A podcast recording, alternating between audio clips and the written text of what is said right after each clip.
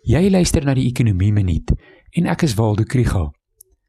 Die afgelope week se aanwysers dui almal op die stadige herstel van die ekonomie na die inperking. Absa se aankope bestuurdersindeks het gestyg vanaf 51,2 punte na 57,3. SIP-indekse wat besigheidsaktiwiteit, nuwe bestellings en verwagtinge oor besigheidstoestande meet, het almal toegeneem. Mens moet egter in gedagte hou dat hierdie toenames is vanaf 'n feitelike stilstand van produksie in April en Mei. En daar is steeds beperkings en regulasies wat keer dat vervaardigers teen vol kapasiteit werk.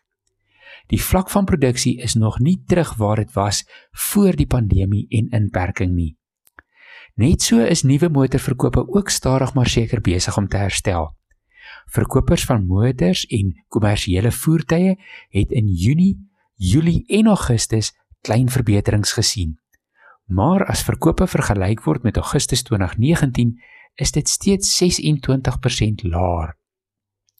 Volgens Jouko se indeks lyk dit of klein besighede se verkope heelwat toegeneem het sedert die staat van inperking verslap is na vlak 2. Hulle waarsku egter dat beerdkrag hierdie herstel kan bedreig.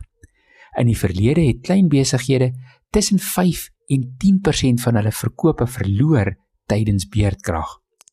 Kom ons hou duim vas vir nog 'n goeie week vir die ekonomie.